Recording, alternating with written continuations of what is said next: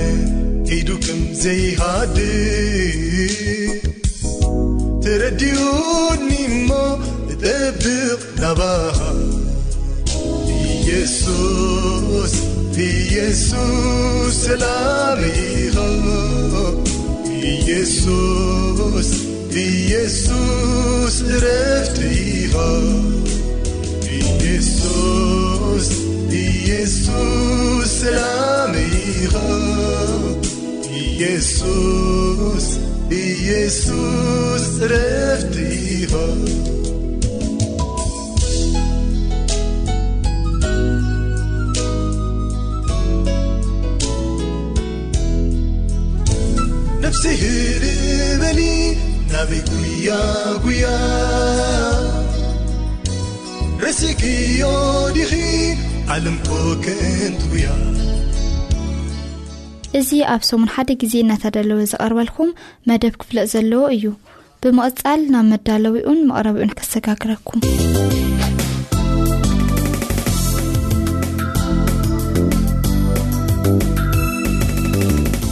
ሰላም ኣቦቦትኡ ኮንኩም ሬድታትኩም ከፊትኩም እናተኸታተልኩምና ዘለኹም ክቡራት ሰማዕቲ እዚ ኣብ ሰሙን ሓደ ግዜ እናተዳለወ ዝቐርበልኩም መደብኩም መደብ ክፍለ ዘለዎ እዩ። ኣብ ናይ ሎሚ መደብና ድማ ሓውና ተስፋይ ካብ ሽረ ዝሓተቶ ሕቶ ምላሽ ምስ ሓውና ፓስተር ሮቤል ገዛሀኝ ሒዝናልኩም ቀሪብና ኣለና። ክሳብ ፍጻሜ መደብና ምሳና ክትጽንሑ ብኽብሪ ንዕድም።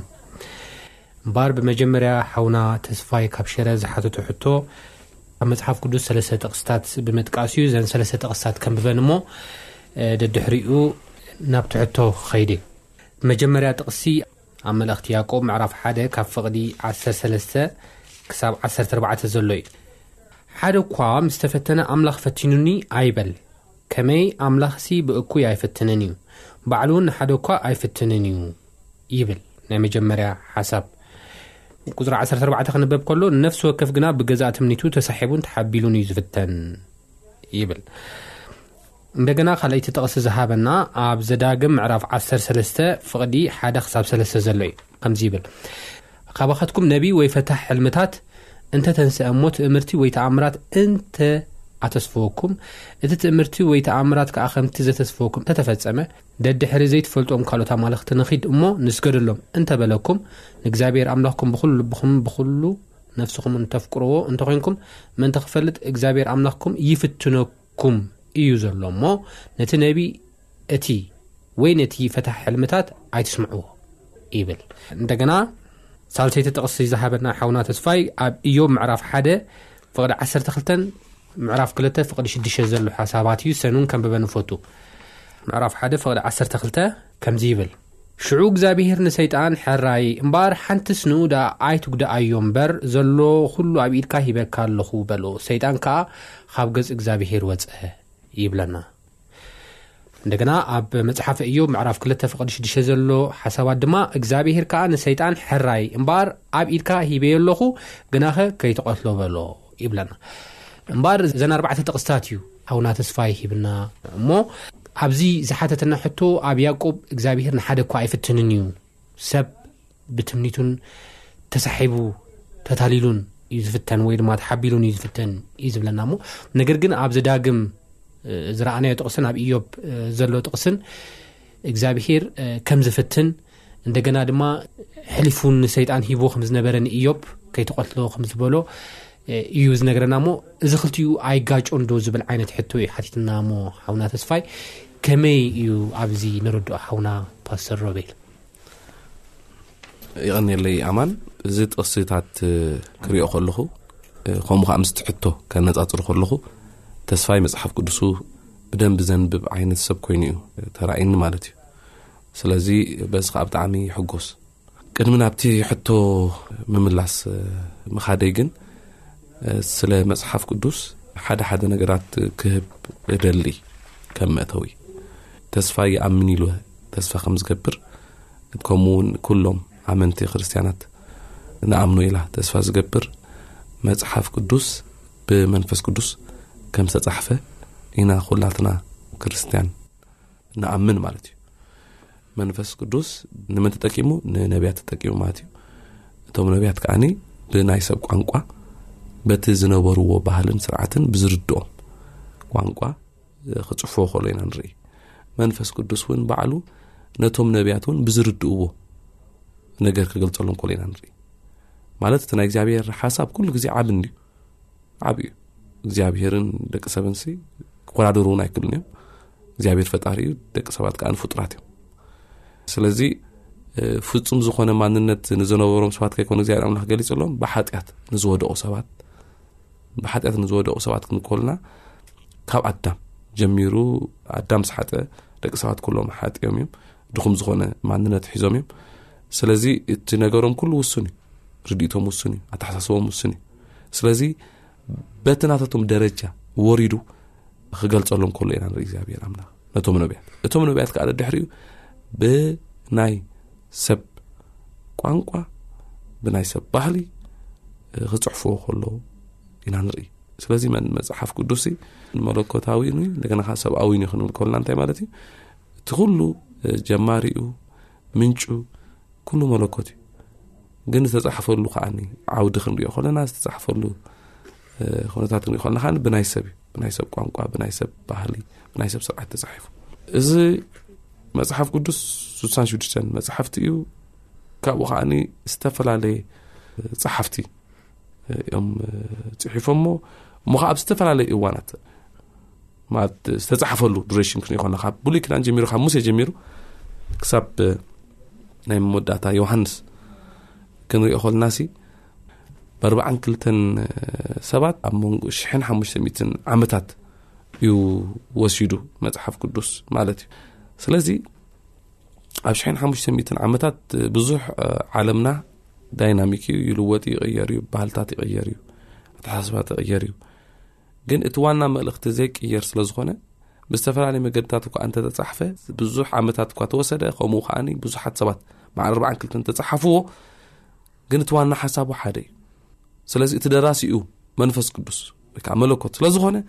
እቲ ሓደ ምስ ሓደ ዝጣረስ ኮነ ከዓኒ ዝጋጨወሉ ነገር የለን ስለዚ እዚ ኣብ መፅሓፍ ቅዱስ ዝጣረስ ነገር እንድሕር ኢና መብዛሕትኡ ግዜ ናትና ርድኢት ክኸውን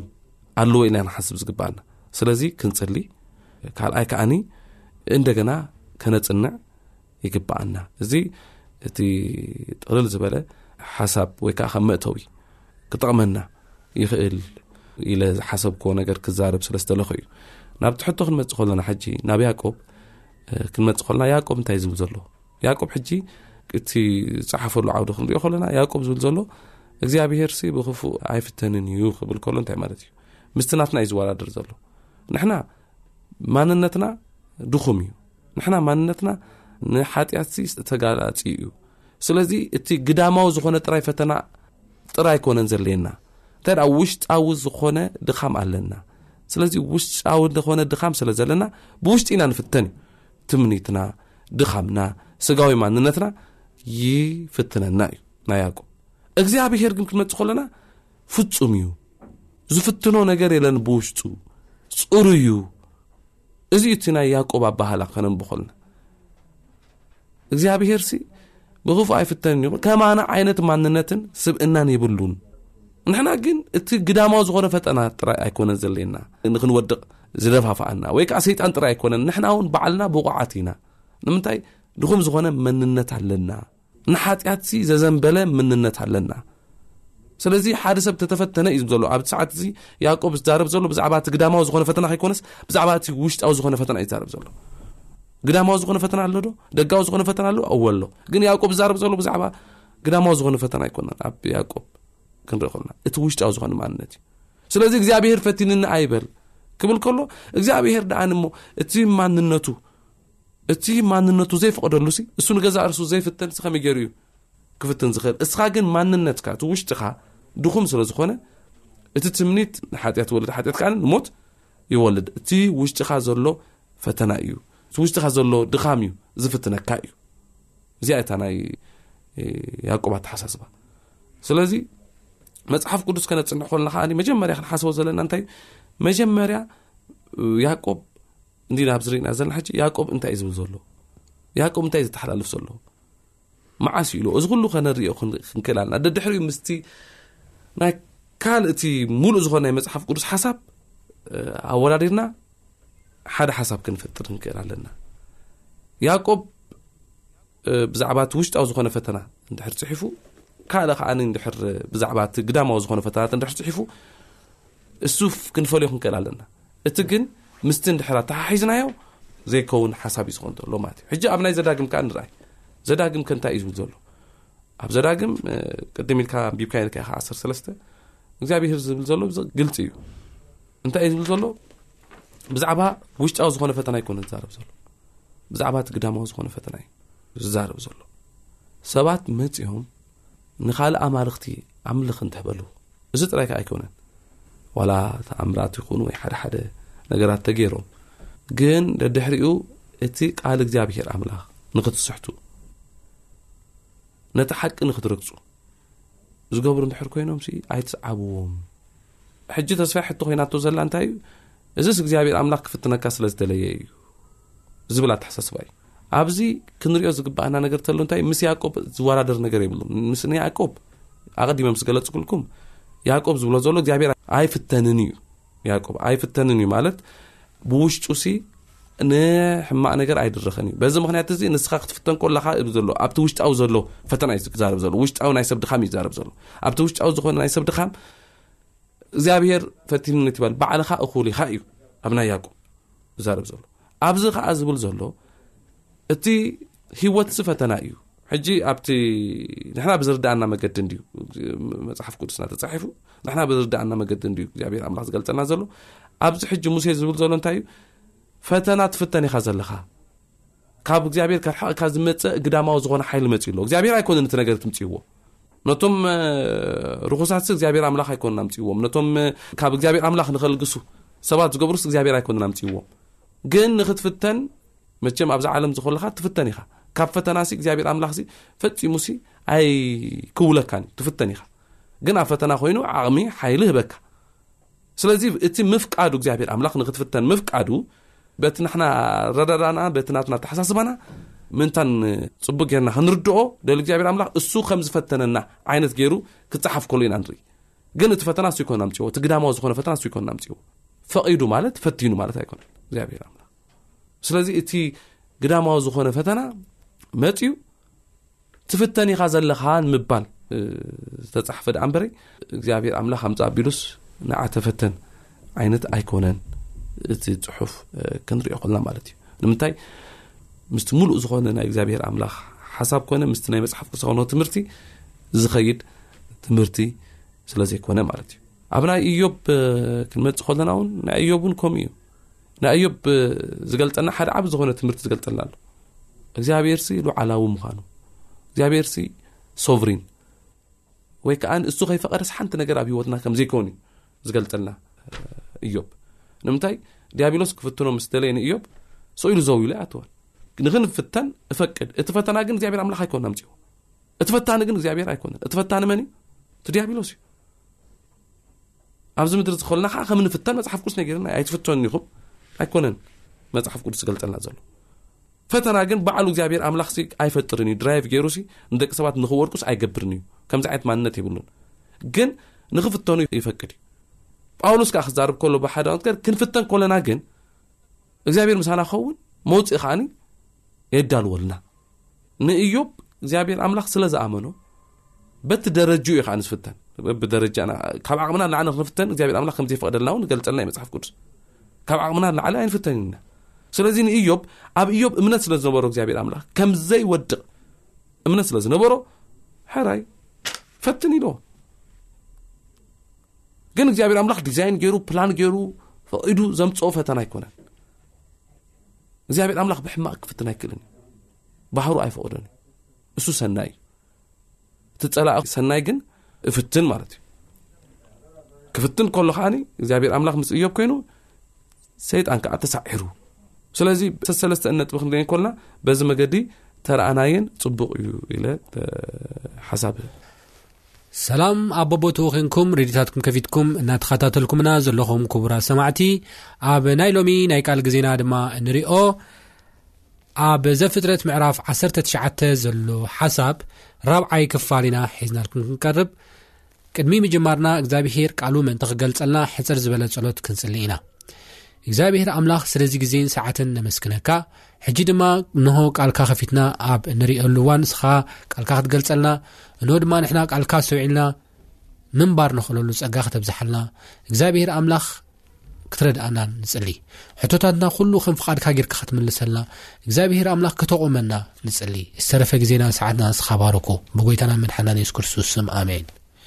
ኣብ ዝሓለፈ ናይ ቃል ግዜና ብዛዕባ ሎጥ መን ከም ዝኾነ ርኢና ነርና ሎጥ መን ከም ዝኾነን እንደገና ድማ ኣብርሃም ንሎጥ ከመይ ገይሩ ከም ዝዕበዮ ሰብ ክኸውን ከም ዝገበሮ ርኢና ነርና በዚ መልክዕ እዚ ድማ ሎሚ ሎጥ ከመይ ዓይነት ሰብ ብተግባር ከም ዝነበረ ካብኡ ድማ ንመሃሮ ህይወት ክንርኢ ኢና ብሓፂሩ ክግለፅ ከሎ ሎሚ ንሪኦ ብርሃና ዝበርሀ ሰባት ክንከውን ወይ ድማ ክርስትያናዊ ባህርና ኣብ ዓለም ክግለጽ ከም ዝግብኦ ዘርኢ ሓሳብ ኢና ክንርኢ ምክንያቱ የሱስ ክርስቶስ ብርሃንኩም ንስኻትኩም ብርሃን ዓለም ኢኹም ብርሃንኩም ኣብ ዓለም ይብራህ ኢሉ ከም ተዛረበና ብርሃና ንክበርህ ዘርኢ ሓሳብ እዩ ከም ናይ ለውጡ ህይወት እምበር ኣብ ዘፍጥረት ምዕራፍ 19 መጀመርያ ፍቕዲ ሓደ ዘሎ ከንብቦ ፈቱ ሎጥ ድማ ምስ ራዮም ነቶም ኣጋይሽ ዝመፁ ማለት እዩ ሎጥ ድማ ምስ ራዮም ክቕበሎም ተንሰ ብገጹ ናብ ምድሪ ተደፊኡ ተደፍኤ እሞ ኣቱም ጐይተተይ በጃኹም እንሆ ኣብ ቤት ባርያኹም ኣግልሱ ኣብኣ ድማ ሕደሩ ኣእጋርኩም ድማ ተሓጸቡ ኣንጊኩም ተንስኡኩም ከዓ መንገድኹም ትኸዱ ኣንጊኹም ተሲኡኹም ድማ ኣንጊኹም ተንስኡኹም ድማ መንገድኹም ትኸዱ ከም ዝበሎም ኢና ንርኢ ሎጥ እዚ ክብሎም ከሎ ነቶም ኣጋይሽ ናብ ሰዶም ዝመጹ ኣምስዮም ዝመጹ ኣጋይሽ ኣይፈልጦምን እዩ ነይሩ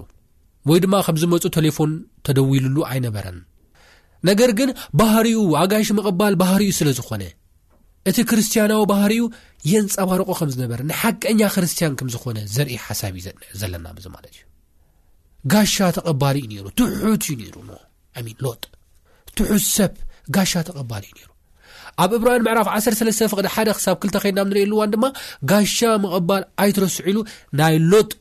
ኣብነት ክበና ከሎ ናይ ኣብርሃም ኣብነት ክበና ከሎ ኢና ንርኢ ጋሻ ብምቕባል ብትሕትና ዝተፈልጡ ሰባት እዮም ነይሮም ጋሻ ብምቕባል ኣዝዮም ዝተፈልጡ ሰባት እዮም ጋሻ ዝቕበሉ ናይ ኣምላኽ ፍቓድ ስለ ዝኾነ ጥራሕ እዩ ክርስትያን ስለ ዝኾነ ጥራሕ እዩ እምበር ማኽሰብ ክረኽቡን ኢሎም ኣይኮኑን ካብዚ ብተወሳኺ ኣብ ዘፍጥረት ምዕራፍ 19 ከይና ንርእየሉ እዋን እውን ሎት ዓብዪ ነገር ከም ዝገበረሎም ነዞም ሰባት ድማ እቲ ዘድልዮም ምንክብኻብ ከም ዝገበረሎም ኢና ንርኢ ካብዚ ሓሊፉን ሎጥ ደቁ ኣሕሊፉ ክሳብ ምሃብ ከም ዝሓሎም ነቶም ናብ ናሕሱ ዝኣትዉ ሰባት ደቁ ኣሕሊፉ ክሳብ ምሃብ ድልው ከም ዝኾነ ክንከባኸቦም ድልው ከም ዝኾነ ከድሕኖም ድልው ከም ዝኾነ ኢና ንርኢ ምክንያቱ ኣብ ዘፍጥረት ምዕራፍ 19 ካብ ፍቕዲ ኣርባዕተ ከይና ንሪእሉ እዋን ሎጥ ነዞም ናብ ናሕሱ ዝኣተዉ ሰባት ምግብን ማይን ተሓፂቦም ንክዕርፉ ጥራይ ደይኮነ ጌርሎምሲ ነገር ግን ዓመፅ ኣብ ህዝቢ ሰዶም ኣብ ዝተላዕለሉ እዋን እውን ግደፉ ነዞም ሰባት እዚኦም ኣይተጨንቖም ኣወዳት ዘይፈልጣ ክልተ ኣዋልዳ ኣለዋኒ ስለዚ ሰም ከውፃልኩም ሰተን ድለይኩም ግበርዎን ኢሉ ደቁ ክሳብ ምሃብ ዝሓሎም ሰብ እዩ ሎጥ ማለት ብኻልእ ኣባህላ ናብ ናሕሱ ዝኣተዉ ሰባት ብኽብሪ፣ ብትሕትና፣ ብእሙንነት ዝሓልዎም ሰብ እዩ። እዚ ክርስትያናዊ ባህሪኡ ጎሊሑ ንኽረኣ ዘርኢ ሓሳብ እዩ። ንኽረኣ ዝገበሮ ሓሳብ እዩ። ካብዚ ብተወሳኺ እዞም ሰባት እዚኦም እውን ጨራሕ መራሕ ናይዛ ከተማ ሰሚዕና ኢና ጨራሕ መራሕ ናይዛ ከተማ ኣብ እግዚኣብሄር ዓብዪ ስለ ዝኾነ እግዚኣብሄር ከነጥፍኣሉ ይኹና እዩ ኣብ ዝበልሉ እዋን ኖህ እዞም ሰባት እዚኦም ካብ እግዚኣብሄር ከም ዝተላእኹ ተረድዩ እቲ መልእኽቶም ድማ ናይ እግዚኣብሄር መልእኽቲ ምዃኑ ፈሊጡ ንኻልኦት እውን ዝሰበኸ ሰብ እዩ ሰባኺ እውን እዩ ውፁ ድሓኑ እዛ ኸተማ እዚኣ ክትግልበጥ እያ እዛ ኸተማ እዚኣ ክትጠፍ እያ ኢሉ ዝሰብኽ ሰባኺ እውን እዩ ምንም እኳ ነደቁ ሰብኡተን እንተሽካዕለሉሉ ንሱ ግና ናቶም ምሽክዕላል ኣብ ቦታ ቦታ ከይሃበ ብፅንዓት ዝሰብኽን ብፅንዓት ድማ ቤተሰቡ ንኸድሕን ዝቃለስ ዝነበረን ሰብ እዩ ሎጥ ማለት እዩ እዚ ድማ ብዛዕባ ናቱ ምፅናዕ ኢና ንርኢ እወ ናይ ሎጥ እምነት ኣብ ስምዒት ዝተደረኸ ኣይነበረን ነዞም ሰባት እዚኦም እተ ዝፈልጦም ነይሩ ነዞም ሰባት እዚኦም ዘይፈልጦም እንተደኣ ነይሩ ከመይ ገይሩ ብሓንሳብ ብሓንቲ መዓልቲ ክኣምኖም ክኢሉ ክንብል ንኽእል ንኸውን ኢና። ኣይ ናይ ሎጥ እምነት ስምዒት እዩ ነይሩ ክንብል ንኽእል ንኸውን። ናይ ሎጥ እምነት ስቕኢልካ ባህላዊ እዩ ክንብል ንኸውን ንኽእል ነገር ግን ልክዕ ሃዋርያ ጳውሎስ ኣብ ሮሜ ምዕራፍ 1 ፍቕዲ 17 ከም ተዘርበ እምነት ካብ ምስማዕ እያ ምስማዕ ድማ ካብ ቃል እግዚኣብሄር እዩ ከም ተባህለ እምነቱ ኣብ ቃል እግዚኣብሄር ዝተሰረተ እዩ ነይሩ። እዚ ከመይ ጌርና ክንርዳእ ንኽእል ዝብል ሓሳብ ኣብ ንርእየሉ እዋን ቀዳማይ ሎጥ እዞም ሰባት እዚኦም ክመፁ ከለዉ ብኣማሳሲኦም ናብ ሰዶም ክኣትዉ ከለዉ ብኣላባብሶም ከነ ብኣዘራርቦም ብፊት ዝረኣይ ፅ ከለዉ ብኣማሳሲኦም ናብ ሰዶም ክኣትዉ ከለዉ ብኣላባብሶም ከነ ብኣዘራርቦም ብፊት ዝረኣይ ብፊት ብዝረኣይ ነገር ናይ እግዚኣብሄር ሰባት ከም ዝኾኑ ይረኣዩ ነይሮም እዮም ብኻልእ ኣባላ ካብ ሰዶም ሰባት ካብቶም ዓመፅ ዝመልኦም ሰባት ፍልይ ዝበሉ ሰባት ከም ዝኾኑ ይረኣዩ ነይሩ እዮም ፍረታቶም ብወፃኢ እውን ይረኣዩ ነይሮም እዮም ካልኣይ እዞም ሰባት እዚኦም ኖህ ንኦም ንምድሓን ኣብ ገዝኡ ኮይኑ ዝተፈላለየ ቃልሲ ኣብ ዝገብረሉ እዋን ምስቶም ህዝቢ ሰዶም ድማ ኣብ ዛረበሉ እዋን እቶም ሰባት እቲኦም መለኮታዊ ሓይሊ ተጠቒሞም ንሎጥ ከድሕንዎ ከለዉ ነቶም ህዝቢ ሰዶም ድማ ክዕውርዎም ከሎ ኢና ንርኢ በዚ መልክዕ እዚ እዚ መለኮታዊ ሓይሊ እውን ካልኣይ መረጋገፂ እዩ ንሎጥ ካብዚ ብተወሳኺ ሎጥ ንህዝቢ ሰዶም ፍርዲ ዝግብኦም ሰባት ከም ዝኾኑ ይፈልጥ ነይሩ እዩ ኣብ ምክንያቱ ኣብ ካልኣይ ጴጥሮስ ምዕራፍ ክልተ ካብ ፍቕዲ ሸውዓተ ክሳብ ሸሞንተ ከድና ንሪእየኣሉዋን ዓመፀኛታት ከም ዝኾነ ፈሊጡ ፃድቕ ነፍሱ እናጨነቐ እዩ ዝነበር ነይሩ ስለዚ ፍርዲ ከም ዝግብኦም ይፈልጥ ስለ ዝነበረ ንሳቶም ድማ ከምዚ ክብልዎ ከለዉ ኣብ ዝሓደርሉ እዋን ድማ በቲ ዝዛረቡ ፍሬታት ኩሉ ብምርኣይ በዚ ቃል እዚ እምነቱ ከም ተመስረተ ኢና ንርኢ ስለዚ ስምዒ ዘይኮነ ትኽክለኛ እምነት ኣሚኑ ንካልኦት ውን ዝሰብኽ ዝነበረ ሰብከት እዩ ሰብ እዩ ማለት እዩ ካብዚ ብተወሳኺ ከምዚ ቅድም ኢለ ኣብ ጥቕሲ ዝጠቐስክዎ ከንብቦ ውን ዝፈቱ ኣብ ካልኣይ ጴጥሮስ ምዕራፍ ክልተ ፍቕዲ ሸውዓተ ክሳብ ሸሞንተ ሎጥ ብክርስቶስ ዝኣመን ጻድቕ ሰብ እዩ ነይሩ ኣብ ሰዶም እኳ እተነበረ ከም ግብሪ ሰዶም ከም ስራሕ ሰዶም እውን ደይሰርሕ ዝነበረ ሰብ እዩ ደይ ዕምፅ ዝነበረ ሰብ እዩ እስኪ ካልኣይ ጴጥሮስ ምዕራፍ ክልተ ፍቕዲ ሸውዓተ ክሳብ ሸሞንተ ንረይ ምንም እኳ ንሶም ተፃረፍዎ ንሱ ግን ብምንም ተኣምር ናብቲ ሓጢኣት ዘይተኻፈለ ሰብ እዩ ነይሩ ከምዚ ይብል ካልይ ጴጥሮስ ምዕራፍ 2 ፍቅዲ 7 ክሳብ 8 ነቲ ብኣበሶምን ብርኹስ ንብረቶምን ሳቐ ዝነበረ ሎጥ ጻድቕ ግና ኣድሓኑ እዩ ዝብል ማለት እቲ ጻድቕ ኣብ ማእከሎም ክነብር ከሎ ኣብ ጸጽባሕ በቲ ዝርኦን ዝሰምዖ ዝነበረ ግብሪ ዓመጾም እታ ጻድቕ ነፍሱ ትሳቐ ነበረት እዩ ዝብለና ብጣዕሚ እዩ ዝሕሞ ነሩ ብጣዕሚ እዩ ዝጭነቕ ነሩ በቲ ዝገብርዎ ዓመፅ ንሱ ግና ጻድቕ ሰብ እዩ ነይሩ፣ ንሱ ግና ኣብ ዓመጾም ዘይተኻፈለ ሰብ እዩ ነይሩ። ስለዚ ሎጥ ከምዚ ዓይነት ሰብ እዩ ነይሩ ማለት እዩ። ብክርስቶስ ዝኣምን ኣብ ሓጢኣቶም ዘይተኻፈለ ብመንገዲ ጽድቂ ዝኸይድ ዝነበረ ሰብ እዩ። እወ ናብ ሶዶም ምናልባት ዝመረጾ ናይ ቁልዕነት ኣመራርጻ ክኸውን ይኽእል ምስ ኣብርሃም ምስምማዕ ወይ ድማ ኣብቶም ናይ ሎጥ ባሮትን ኣብቲ ናይ ኣብርሃም ባሮትን ፅልኢ ወይ ድማ ግጭት ኣብ ዝተፈጥረሉ እዋን ምናልባት ብናይ ቆልዑት ኣመራርፃ እሱ ናብ ሶዶም መሪፁ እዩ ኣብርሃም ዕድል ኣብ ዝሃበሉ እዋን በዚ ምርጭኡ ግን ብዙሕ ስቓይ ከም ዝሕልፈ ንርኢ ኢና ዝኾነ ኮይኑ ግን ኣብኡ ኮይኑ ምስ ሓጢኣቶም ከይተኻፈለ ዝነብር ዝነበረ ሰብ እዩ ብኻልእ ኣባህላ ክርስትያናዊ ባህሪ ጎሊሑ ክረአ ከሎ ኢና ንርኢ እዚ ኩሉ ዝጠቐስናዮ ናይ ለውጢ ነገር ክርስትያናዊ ባህሪኡ ፅድቁ በቃ ብፍቓድ ኣምላኽ ዝመላለስ እምነቱ ድማ ኣጽኒዑ ዝሕዝ ሰብ ከም ዝነበረ ኢና ንርኢ ሎጥ እዚ ኣብ ዝሓለፈ ናይ ቃል ግዜና ከም ዝረኣናዮ ናይ ኣብርሃም ብመንፈስ ቅዱስ ዝስርሖ ስራሕ እዩ እወ ኣብርሃም ዝተፈላለዩ ስራሕ ሰሪሑ መንፈስ ቅዱስ ድማ ብኡ ተጠቂሙ ብዙሕ ሰሪሑ እዩ ስለዚ ናይ ስራሕ ውፅኢት እዩ ክርስትያናዊ ባህሪኡ ጎሊሑ ንክረአ ንካልኦት ብርሃን ዝኾኑ ስራሕ ክረአ ዝገበረ ማለት እዩ እምበር ካብዚ እንመሃሮ ነገር እንታይ እዩ